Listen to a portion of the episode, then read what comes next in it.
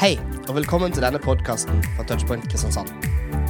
Denne talen er spilt inn på et av våre møter, som er hver torsdag klokka halv åtte. All right. Det er kjekt å se dere. Og det blir ikke kjekt å høre meg i dag. Jeg skal snakke om en av de største game changere som fins, og det heter penger. Money talks. Da jeg gifta meg med Katrine, så var hun student. Og jeg var ungdomspastor på ei tid der vi fikk lønn i himmelen. Det eneste jeg visste når jeg skifta jobb, det var at jeg skulle forhandle lønn. For den var så dårlig at jeg måtte ha en jobb på sida av. Så det var ikke noe særlig.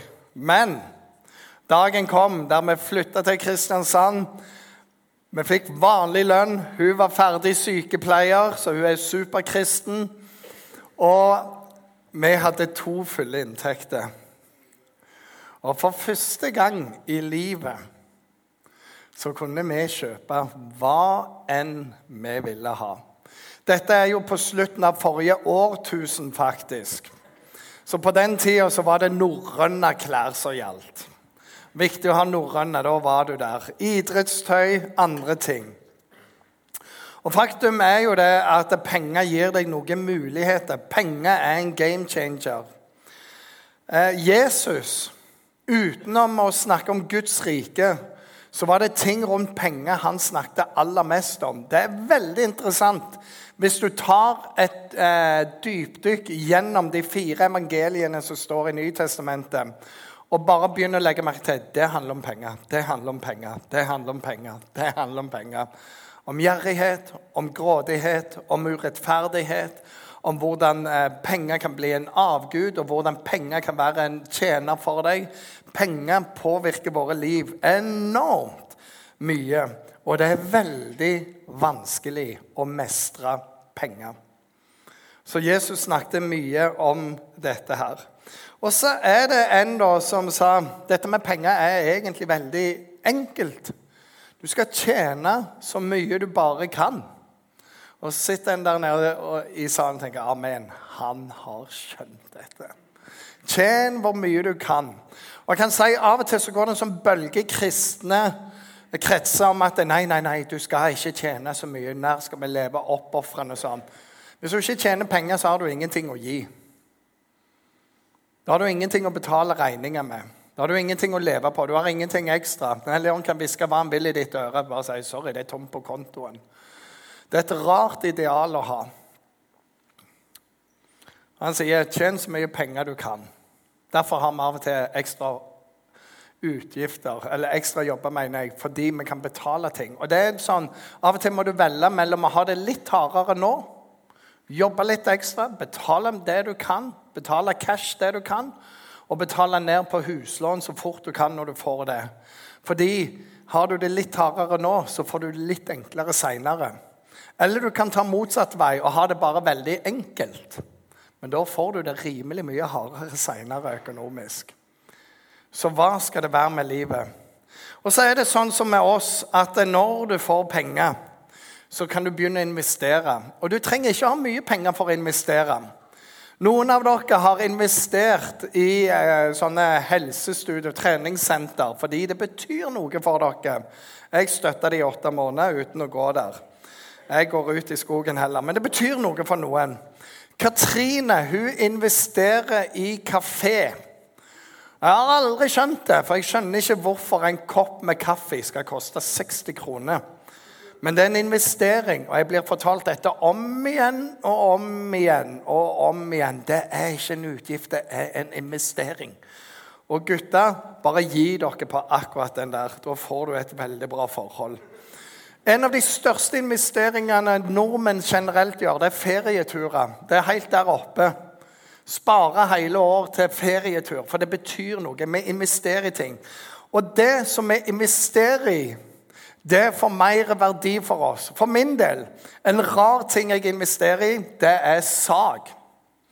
Jeg har motorsag, håndsag, greinsag, kappgjærsag, minisag, finsag, rotterumpesag, feinsag og et par sager til. Jeg bare elsker å sage. Det er sånn. Og det er så kjekt. Så min trim er faktisk å gå i skogen og dra på med motorsaga. Når den brummer godt, da er livet veldig, veldig godt. Så Ting får verdi for oss òg pga. dette her. Og det er rart. Hvis noen kommer til deg på hybelen din, du er student, du leier Kan jeg gå på do?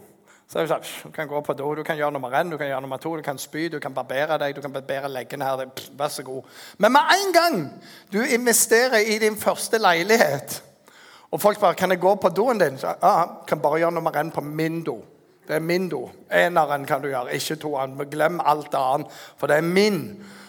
Og Sånn er det òg av og til når noe er gratis, så har det ingen verdi. Gratis mat. Folk bare hamstrer inn før jul.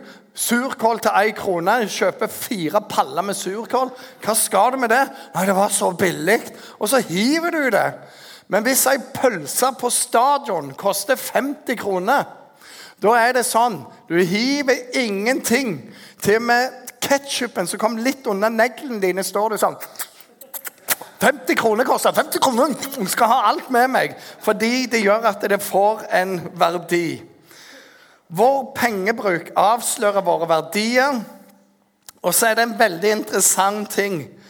Fordi vi kan trene vårt hjerte òg til hvilke verdier som skal være viktige for oss ved vår pengebruk. Dette sier Jesus. Dere skal ikke samle dere skatter på jorda, hvor møll og mark ødelegger, og hvor tyver bryter inn og stjeler. Men dere skal samle skatter i himmelen, der verken møll eller mark ødelegger, og tyver ikke bryter inn og stjeler. Så sier jeg, For hvor, din skatt, hvor skatten din er, vil òg hjertet være. Så du kan investere i ting som gjør at hjertet ditt driver i den retningen. Så hva vil du skal være viktig i livet ditt? Begynn å investere i den retningen der. For hjertet ditt følger der pengene er. Det er helt rart å se hvor sant dette er. Investeringer gjør noe med hjertet vårt. Og så er det en som investerte utrolig mye i oss, og det er Gud. Han investerte alt han hadde i oss. Ga sin egen sønn. Og Det er det som er med Gud, at han er bare en giver. Han som ga oss alt i sin egen sønn. Så står det Kan han noe annet enn å gi oss alt sammen med han? Så når vi begynner å ligne Gud, og når vi har Gud på førsteplass, så blir det med penger òg snudd litt om. Sist uke snakket jeg om at vi er velsigna til å være til en velsignelse. Og dette er egentlig del to av 'du er velsigna', så du kan være til en velsignelse. Økonomisk, materielt og på alle måter. Du trenger ikke eie mye før du kan være til en velsignelse. Når jeg jobbet i Salem, så kom ei. Og Hun var ikke fra Norge, men hun hadde gått til ei kirke. Og kom inn, og så sier hun på kontoret 'Jeg har ingen penger' å gi her, men jeg vil så gjerne gi en tiende, for dette hadde hun lært. Vi kommer tilbake til det.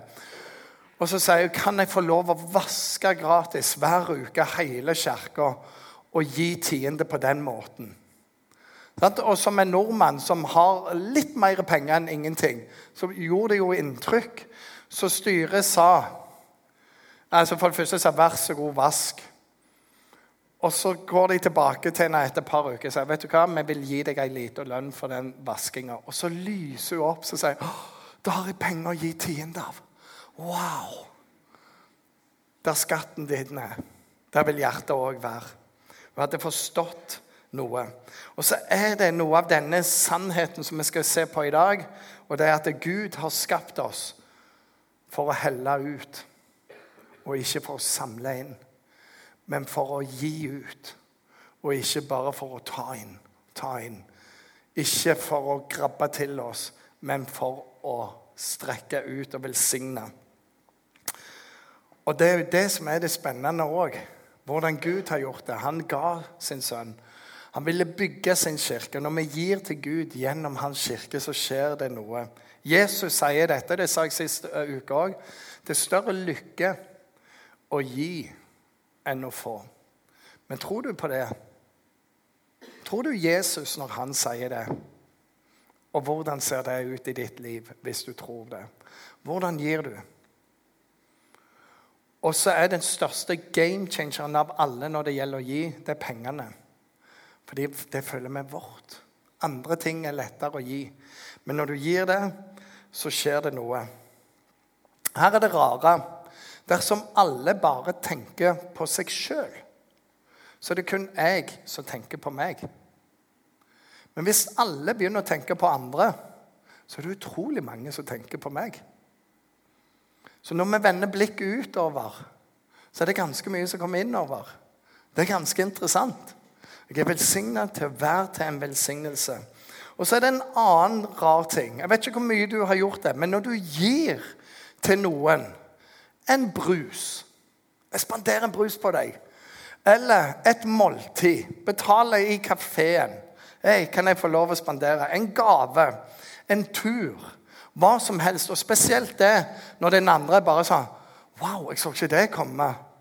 Så gjør det jo så utrolig godt på innsida vår. Det sånn, ah, det var så deilig å få lov å gi. Og hvorfor er det sånn? Nei, Det er fordi du er kobla på Gud. For Gud er en giver. Han gir, og han gir. Og det er Guds vesen. Og når du begynner å komme inn i dette med å gi, så skjer det en ny ting i deg. Du får en ny skatt, men det skapes en ny lyst i deg. Og det er at jeg skulle ønske jeg kunne gitt mye mer. Her i menigheten så lurer vi på om vi skal bygge ut så kirka blir over dobbelt så stor. Vi ønsker å få en sal som er dobbelt så stor som dette. Nye kafeer for kontorene inn, for grupperom til speideren, for skikkelig lokale til barnekirka fordi det er for fullt her hele tida. Allerede nå så er det folk som sier åh, jeg skulle ønske jeg hadde så mye mer penger. Bare pøse inn i det. Fordi det er noe med hjertet som, som blir sånn Jeg ønsker mer å kunne gi ut enn å samle inn. Og noen tar seg ekstrajobber for det. Noen sparer ekstra. Noen ofrer noe fordi de har funnet en ny glede i livet. Det er større lykke å gi enn å få. Og det er ikke forbruket som jager deg. Jeg vet ikke om du har vært i den, men det er at du bare må ha ting hele tida, for det gir deg en glede. Og den, den varer ikke så lenge. Men, men, du bare må kjøpe, og du må kjøpe. Og så kjøper du surkål for jul, fordi det òg var bra å kjøpe. Men det kommer en sånn ny trang til å gi. Og så ligner du litt der på Gud òg. Det som er rart med Gud når han gir Du har kanskje hørt sånne vitnesbyrd om at vet du hva? Jeg mangler 1239 kroner. Og så kom det på døra noen som hadde kjent på at de skulle gi. Og gjett hva det var oppi den konvolutten. 1329 kroner. Wow! Og det er masse, og det er litt kule vitnesbyrd. Samtidig, når vi leser Bibelen, så ser vi at de, ofte så gir Gud bare mye mer. For det står at han kom for at vi skulle ha liv, og liv i overflod. Det er mer. Mitt beger flyter over, sier David. Det betyr han heller oppi så mye at det bare renner over. Og det står han velsigner oss mer enn det vi kan forstå. Det er bare mer hos Gud hele tida. Sa dette sist gang òg, men det var en svenske som sa det. Hur er det med Gud? Jeg skyffler ut, og Gud skyffler inn, og jeg skyffler ut. Og han skyffler inn, og jeg skyffler ut, han skyffler inn, og jeg skyffler ut. Han bruker større skyffel enn meg, hva? Jeg er så urettferdig her. Urettvist. Hvor er det med det? Og så er det det motsatte. fordi her snakker vi om et hjerte som bare Wow! Jeg ønsker å velsigne. Jeg blir så glad av å se andre glade. Det som rir mange av oss, det er det motsatte. Det er frykt. Redselen for at det skal gå tomt. Redselen for at jeg ikke skal klare meg. Så jeg må spare, og jeg må spare, jeg må samle inn. Og det blir aldri nok. Og en kan spørre når passer det å begynne å velsigne andre? Og det du får til svar når jeg tjener litt mer. Når jeg kommer der. Det er bare når du kommer der, så vil du aldri føle at det heller er tilstrekkelig. De spurte en som var utrolig rik, han var god for mange millioner. spurte de, Når har du fått nok? Når er det passelig? Når kan du bare leve på dette, så svarte han. Jeg trenger bare litt til. Og de visste at det svaret kom til å være konstant hele livet. Og det er noe med dette at jeg må spare, jeg må spare, jeg må sanke inn. Denne frykten for at det aldri blir nok, den tok Jesus opp. Og det går sånn som dette. En i mengden sa til Jesus.: Mester, si til min bror at han skal skifte arven med meg. Arv er grusomt av og til når det kommer til penger. Men Jesus svarte, venn, hvem har sagt meg til å dømme eller skifte mellom dere? Og han sa til dem, ta dere vare for all slags grådighet. For det er ikke det som en eier, som gir liv. Det er ikke liv i eiendelene dine. Det er bare en drøm om noe, men det er dødt. Hvis du har sett Exit, så vet du hva jeg snakker om. Det er utrolig mye penger der, men det er utrolig mye søppel der òg. De blir ikke akkurat lykkelige. De har et fett liv på én måte, kjører kule biler, men det er bare kaos hele tida. For det er ikke det du eier, som gir liv, selv om en har overflod. Hilsen Exit. Så fortalte Jesus de en lignelse. Det var en rik mann som hadde en god avling av jorden. Og Han tenkte med seg sjøl hva skal jeg gjøre? Jeg har jo ikke plass til avlingen min. Han var dødsrik allerede. Jo, dette vil jeg gjøre. Jeg river ned låvene i flertall og bygger de større. Og der samler jeg kornet og alt jeg ellers eier. Så skal jeg si til meg sjøl nå har du mye godt liggende, nok for mange år. Som om han ikke hadde det allerede når han må rive ned låvene. Men da, det er alltid da, slår meg til ro min sjel. Spis, drikk og vær glad. Men Gud sa til ham, uforstandige menneske, i natt kreves din sjel tilbake. Hvem skal ha det du har samla da? Sånn går det med den som samler skatter til seg sjøl og ikke er rik i Gud. Bare la det være klart. Jesus har ingenting imot rike folk. Men det handler om et hjerte her. Han kaller denne bonden for uforstandig, mindre klok, ikke lur i hele tatt. Men det er dette tankesettet. Jeg er redd for at det går tomt. Eller jeg er redd for at det ikke skal strekke til. Og det blir en driver. Et annet utgangspunkt, det er dette. Gud er min forsørger. Han ser meg alltid. Han har talt hver hårstrå på hodet mitt, står det. Ikke en eneste spurv faller til jorden uten at Gud vet det. Mine murer, mine vanskeligheter, de ser han. Han svarer bønn.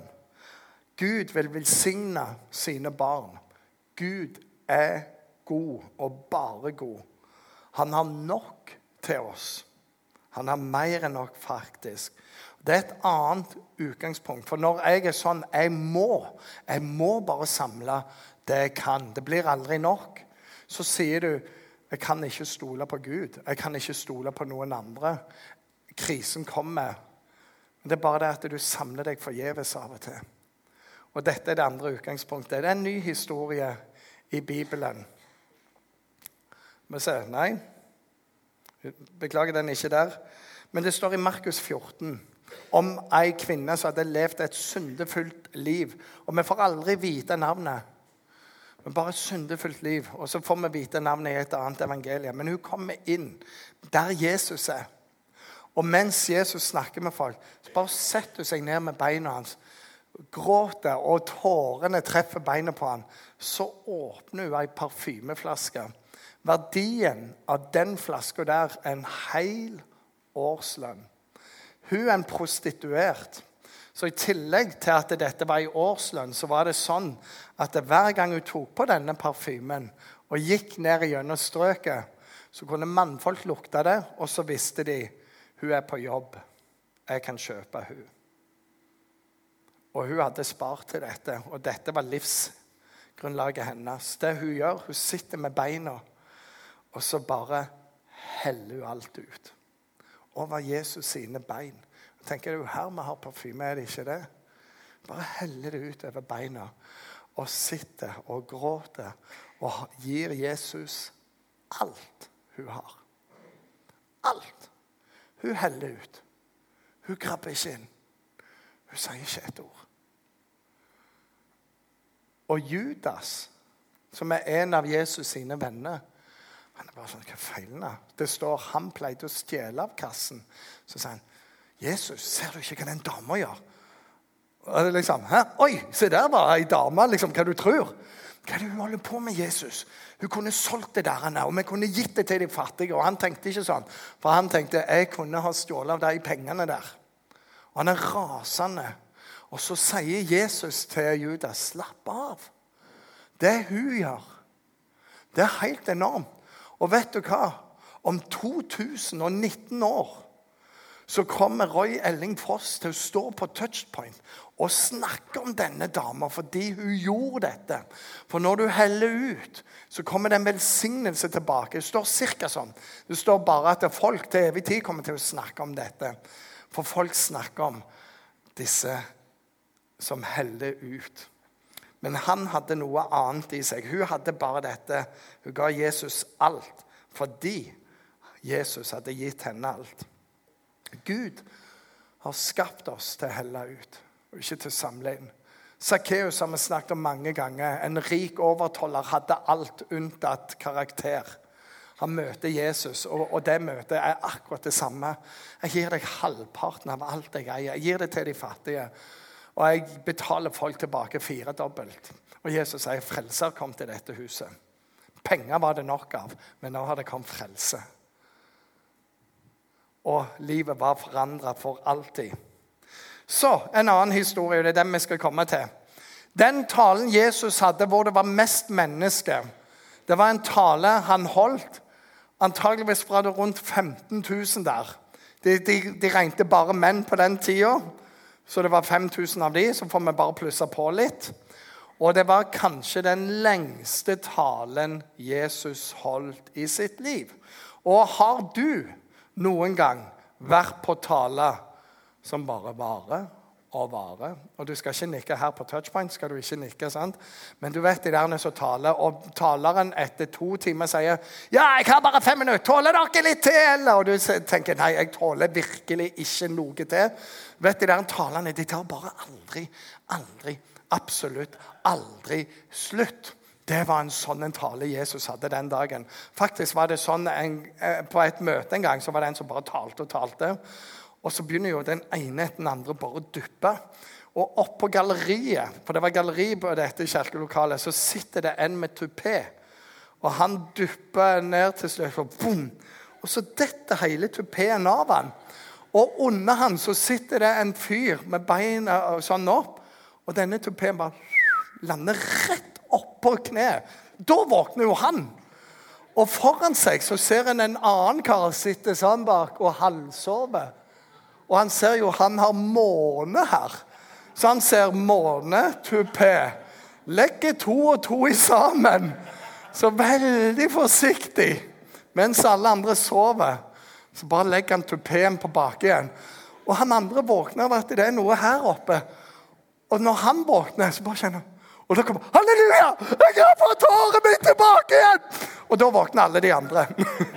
Har du vært på en så lang tale noen gang? Dette er en så lang tale Jesus har. Fordi gjengen, de står der, og Peter sier til Johannes Tar det slutt snart? Jeg aner ikke. Jeg er dødssulten, jeg òg. Se på Thomas. Han bryr seg jo. Og så, så snakker de sånn Bartlomeus, da? Nei, han, han, er jo helt angry nå. OK. Hvem kan vi få til å si til Jesus at det, Jeg har ikke vært på do på fire timer, og jeg kjenner det nå. Han, eh, Jakob, kan du si det til Jesus? Ingen tuller med Jesus når han snakker. Det er det levende ord. Skal vi gå sammen? Vi gjør det sammen, alle sammen. Jeg kan gå bakerst. Nei, du går bakerst. Sånn, og så Til slutt så kommer de til Jesus, og så sier de «Eh, Mester, great preaching. Det er det første. Sykt bra. Sykt bra. Han vil ikke forstyrre, egentlig. Men hvis du ser litt rundt omkring her folk begynner å bli sultne. Vi er ikke sultne. Vi kunne vært og mange dager. Vi kan faste og be hele dagen. hvis det er Men se litt på de andre 15 000 her. Jeg begynner å bli litt sånn, Du tenker ikke at vi skulle hatt en eh, liten pause? eller? Altså, Han har talt lenge. Alle forskere er enige, for det står da det led mot kveld. Han har talt hele dagen! Hele dagen! Og de liksom bare sånn 'Jesus, kan du ikke?' Og så sier han, 'Jo da. Dere skal gi dem mat.' det var en dårlig idé, det der, Peter. Jeg skulle aldri forstyrre han. Jeg skulle aldri forstyrre han. Vi har ingenting. Vi har bare en sånn liten matpakke her. Men det går veldig bra, sier Jesus. Nei, det går ikke bra. Kan du ikke sende dem av gårde? Bare kjøpe litt mat? Nei, dere har alt de trenger. Og skjønner det, når du leser i Bibelen Dette er den lengste talen han hadde. Så gjør han jo et mirakel. Paulus hadde òg en lang tale. Så lang at en gutt som satt i vinduet, sovna, falt ut. Dør. Han brekker nakken, bare boom, død. Og folk er litt sånn 'Å, synd for ham, men bra for oss. Talen er ferdig.' Og så løper de ut, ser han er død. Og så sier 'Å, nå kan vi gå hjem.' Og så sier Paulus, ah, ah, 'Bare vent.' I Jesu navn, bom! Så vekkes han til live. Og folk er bare sånn 'Nå må vi være raske.' 'Wow, party on! Den har blitt helbredet! La oss feire!' Og så sier Paul nei, nei, vi må fortsette talen. Og han talte helt til morgenen. De tenkte på, mm, og Det er derfor mange av oss predikanter har det der. Hvis vi taler lenge nok, så er det noen som blir vekt opp ifra de døde. Eller som her. Da får vi inn litt mat, og så begynner de å bryte det og dele ut. Og jeg syns jeg ser gjengen. Jakob, fikk du Jeg fikk bitte litt av den matpakken. Ja, bare del ut til alle. 15 000 har jeg loff her. De brekker opp, og så er det sånn Vær så god. Jeg bare sånn Dette er jo dumt. Men når de gjør det, hva skjer? Wow, vær så god. Det blir bare mer og mer, og til slutt så samler de det folk ikke orker å spise. Da har du delt ut mye til 15 000, og de samler tolv kurver med mat etterpå dette her. Så Jesus velsigna det. Disiplene ga det. Gud multipliserte det. Og det er noe av prinsippet. Og det er noe med, Jeg har prøvd å skrive en setning her. Jeg vet ikke hvor bra den ble. Du beholder, Det du beholder for deg sjøl, er alt du har. Men det du gir, det vil Gud multiplisere. Og det er noe med hvem er din forsørger. For hvis du skal holde alt sjøl, hvis du skal være som han bonden der, så er det alt du har. Men den som låner til Jesus, kommer aldri tomhendt tilbake igjen. Når multipliserte Gud det de hadde? Det var ikke når de samla det. Det var når de brøyt det og delte det ut. Da skjedde det. Så det er noe med det. Så hvordan kan du da begynne å gi? Hvordan kan du være den som ikke er drevet av den der frykten for å gå tom, men trangen til å velsigne. Og jeg vil si det sånn, Start med å gi tiende. Tiende er 10% av det du tjener. Hvis du er student, det er tiende av stipendet ditt. Det er ikke tiende av lånet ditt. Du skal aldri gi tiende av et lån. For det er ikke ditt. Når du tar opp et huslån og må låne 3 millioner, så må du ikke låne 3,3 millioner for å gi tiende. Du skal betale så mye tilbake. Men av det du får som inntekter, lønna di, stipendet ditt, begynn å gi tiende. Du gir det der du tilber regelmessig. Så hvis det er her du pleier å tilbe, gi det her. Hvis det er en annen plass, det er der jeg pleier å gå, jeg er bare innom touchpoint, gi det der. Vi finner menighet der du tilber regelmessig, og gi det der. Det handler ikke om følelser. Det handler om en overgivelse. Vi har lært at vi skal føle så mye. Vi trenger ikke føle en ting. Regninga blir betalt av penger uansett. Så når du gir, så gjør det at vi kan betale noen regninger. Det er bra uansett. Ikke splitt tienden. Gi tienden der du tilber regelmessig. Hvis du har lyst til å gi masse i tillegg, Ingen begrensning for hva du kan gi. Men tiende er en lydighet. Det er en overgivelse. Dette sier Gud i Gammeltestamentet. står i Malakia. For han anklager folka for å være halvhjerta, for å være vekke fra han sier dere røver ifra meg. dere har vært elendige. Hæ, hva har vi gjort? Så sier han kom med hele tienden til forrådskammeret, så det fins mat i mitt hus. Så sier han prøv meg på dette. Det er den eneste plassen i Bibelen Gud sier 'prøv meg', om ikke jeg skal velsigne deg. Jeg skal sannelig åpne himmelens luse og hva det sa, gi deg akkurat det du trenger. Eller står det å øse ut over deg i rikt mål? Prøv meg. I morgen tidlig så er det noen få av oss som reiser til Eaglebrook Church i USA. De ga menigheten denne utfordringen. Prøv i 90 dager og gi hele tienden. Så skal vi legge det til sides. Hvis du ikke føler at Gud velsigner deg på noen som helst måte i løpet av de 90 dagene, skal du få alle pengene igjen. For Gud sa 'prøv meg'. Over 1000 familier prøvde Gud. Og det skjedde noe der. Og den menigheten har noen historier å fortelle. Når jeg oppdaget dette her, da var jeg 17-18 år. Og så bestemte jeg meg fra nå av skal jeg gi tiende fra alt jeg eier. Og umiddelbart så fikk jeg bare noen som velsignelse. Og du gir ikke fordi er, du skal få en velsignelse. Det er bare når du gir til en som gir, så står du som mottaker veldig ofte. Det er sånn Når vi lovsynger Gud, så lovsynger ikke vi for å føle godt. Vi bare lovsynger Han fordi Han er verdt all ære. Men likevel, under lovsangen, så står vi ofte og får av Gud. For Gud er en giver. Når jeg gir penger, så handler det ikke om at Gud skal velsigne. Det handler om jeg får lov å si takk. Du har frelst meg. Takk, du har tilgitt meg. Takk at du har en plan for meg. Takk at du forbereder et hjem for meg i himmelen. Takk at du har gitt meg Den hellige ånd, som skal hjelpe meg å ta bedre valg, som skal lede meg hjem til himmelen. Takk for kirka, som er den nye åndelige familien. Takk for alle disse som rundt hele jorda er med og ber for meg og ønsker meg det beste. Takk for den tjeneste jeg får lov å være med i og se at mennesket blir forvandla, blir satt i frihet. Det fins ingen som kan sette folk fri sånn som Jesus setter folk fri. Det som er umulig for mennesket, er ikke umulig for Gud. Og det er all den takken jeg får lov å bringe der.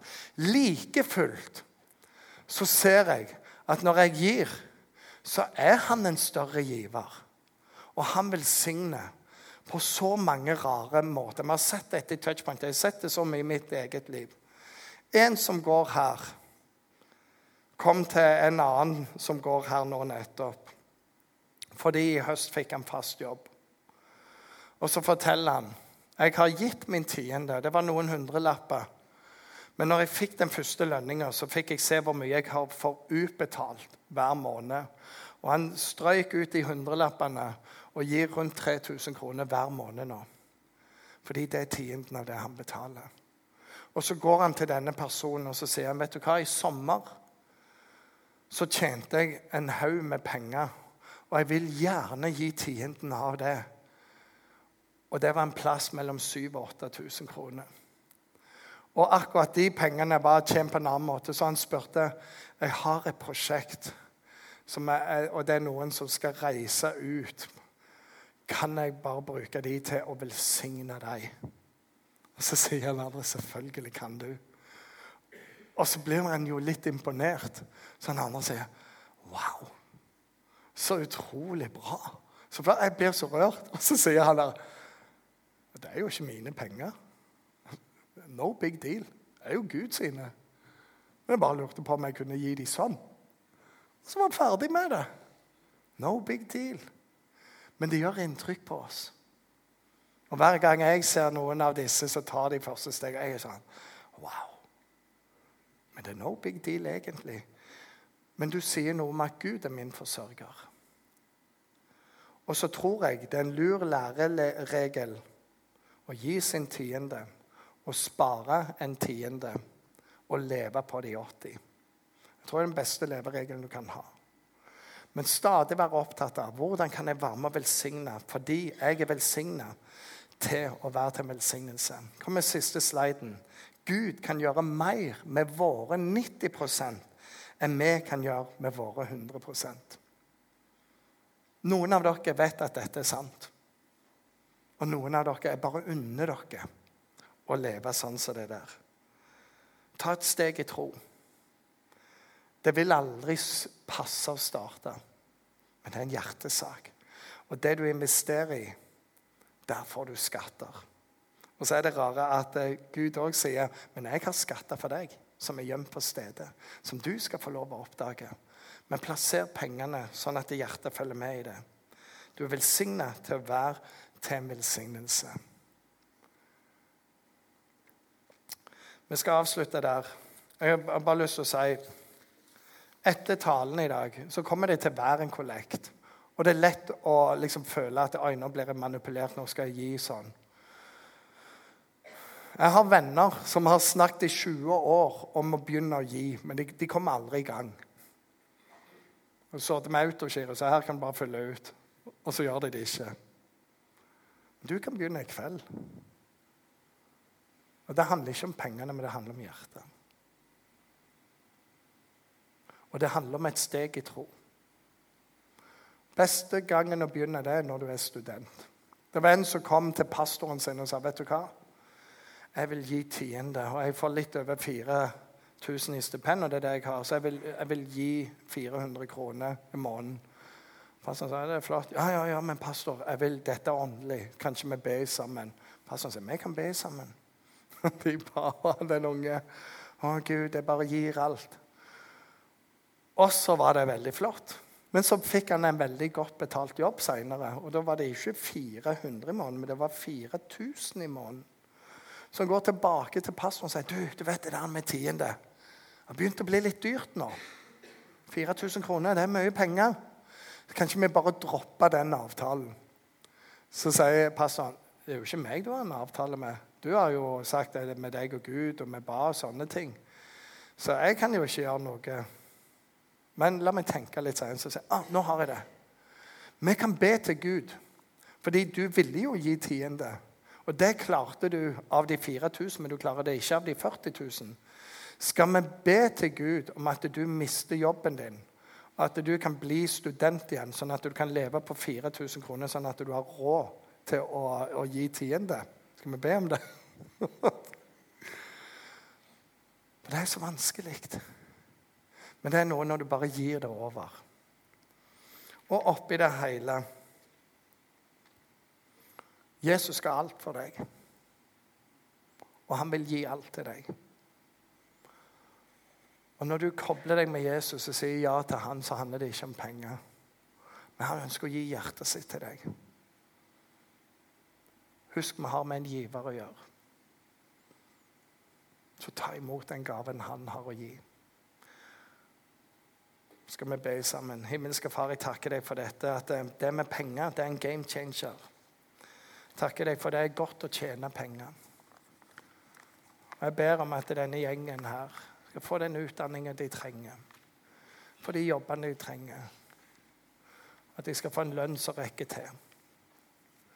Så må du hjelpe oss alle at skatten vår er ikke penger. Skatten vår er ikke rikdom. For du har sagt i ditt ord at det er ikke det det handler om. Det er ikke der livet ligger. Livet ligger hos deg. Må du hjelpe oss sånn at penger er en, en tjener for oss, og ikke en mester for oss. Og Herre, du har gitt oss et par ting som gjør at vi kan rive oss løs fra materialisme, og det er givertjeneste. Og Herre, jeg ber om at du må hjelpe oss. At du er vår forsørger. Hjelp oss å virkelig leve sånn. Herre, jeg ber om det. Og jeg ber om at hver enkelt av oss skal være kjent for å være enormt rause. Enormt gavmilde. For vi er mer opptatt av å strø ut, helle ut, enn å samle inn. Jeg ber om det i Jesu navn. Og så takker jeg deg for det, Jesus, at det er du Du ga alt for oss. Du ga alt for meg. Og på grunn av det så kunne jeg bli frelst. For du ga alt. Det koster alt. Men du ga det frivillig. Herre, takk for det. Og jeg takker deg for at vi får lov å ligne på deg når vi er opptatt av å være til velsignelse. Vi er velsigna for å være til velsignelse. Takk for det, Jesus. Amen.